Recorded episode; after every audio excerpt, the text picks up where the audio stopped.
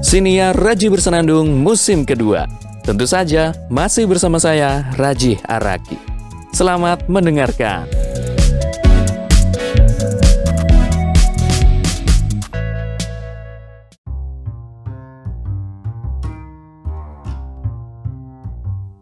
Dari dulu saya adalah orang yang susah untuk mencari pengganti. Sulit banget.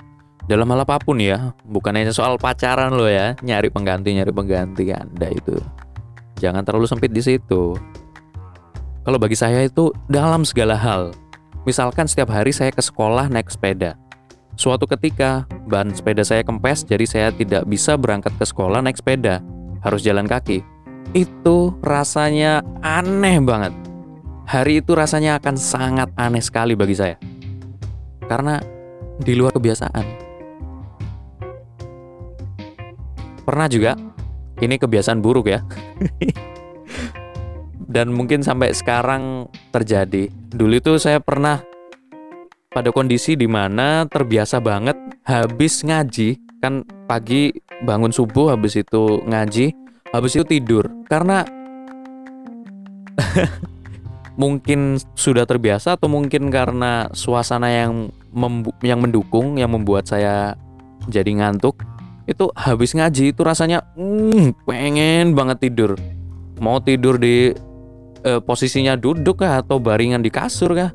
Itu tidur adalah suatu kegiatan yang sangat nikmat sekali. Mungkin tidak hanya bagi saya tapi bagi anda juga ini yang dengerin. Anda ini pasti saya, saya tahu Anda pasti suka tidur pagi kan. Jangan mengelak karena saya juga seperti itu. itu tidak baik ya sebenarnya karena dulu waktu di pesantren saya dibilangin tidur di pagi hari itu akan membuat kita jadi miskin. Dan benar saja, saya sekarang miskin. anyway, ketika uh, suatu saat uh, pada suatu pagi saya diminta untuk tidak tidur itu wes sulit sekali. Pasti terkantuk-kantuk. Memang awalnya seperti itu. Namun ketika lama-lama seminggu dua minggu itu terbiasa terbiasa untuk uh, bangun pagi. Bangun pagi sudah pasti bangun subuh.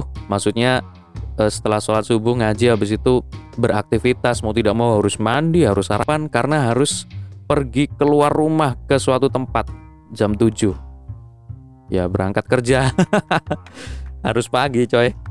Kalau enggak ya disikat kita. Lama-lama terbiasa. Eh pokoknya gitulah. Atau ketika saya dapat suatu barang kemudian barang itu barang ini uh, sangat saya sayangi gitu kemudian hilang itu akan sangat sedih sekali dan saya akan susah move on dan memikirkan barang itu terus. Berhari-hari berminggu-minggu. Itu sering terjadi dan sudah saya ceritakan kalau nggak salah di episode-episode sebelumnya tentang saya kehilangan sepatu ya. itu kepikirannya lumayan lama loh itu. Uh, orang tua saya pulang habis jenguk saya di pesantren. Itu saya kepikiran lumayan lama kan. Yang saya bilang di episode sebelumnya kayak gitu Mungkin orang-orang lain bisa move on dengan cepat, tapi saya susah mencari pengganti suasana, susah. Nyari pengganti barang baru, eh, susah men. Kayaknya orang-orang itu mikirnya, alah hilang tinggal beli baru. Dalam pikiran saya, enak aja. Itu barang dapetinnya susah.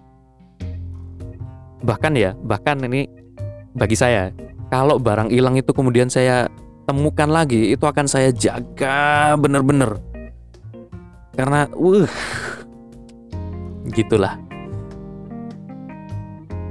ya tapi gimana lagi ya kondisi memang har harus membuat saya terbiasa dengan itu karena ada beberapa kejadian yang tak terduga mungkin membuat saya kehilangan beberapa barang yang sengaja maupun tidak sengaja dan harus ikhlas harus segera mencari pengganti karena kalau tidak seperti itu, kehidupan saya akan stuck di meratapi. Memang susah sih. Meskipun ya kalau dapat baru itu kita bisa lama-lama bisa terbiasa bisa move on juga. Cuma ya berat gitu. kalau menurut saya bagi saya itu kayak gitu itu berat gitu. Merupakan sebuah langkah yang besar. Begitu aja sih. Itu saya cuma pengen curhat itu aja. Jadi di episode kali ini saya curhat curahan hati. Thank you sudah dengerin curhatan saya dari awal sampai akhir. Sampai jumpa di episode berikutnya. Sesuatu yang hilang biarlah hilang. Tapi pada hakikatnya dia tetap tidak tergantikan karena dia sudah mempunyai tempat dalam hati kita. Sudah ada tempatnya, mau kita hapus juga tidak akan bisa. Ya sudah, biarlah dia tertata rapi di tempat itu, dan kita tetap menjalani kehidupan yang terus berjalan. Itu aja. Closing lagi. Terima kasih. Sampai jumpa di episode berikutnya.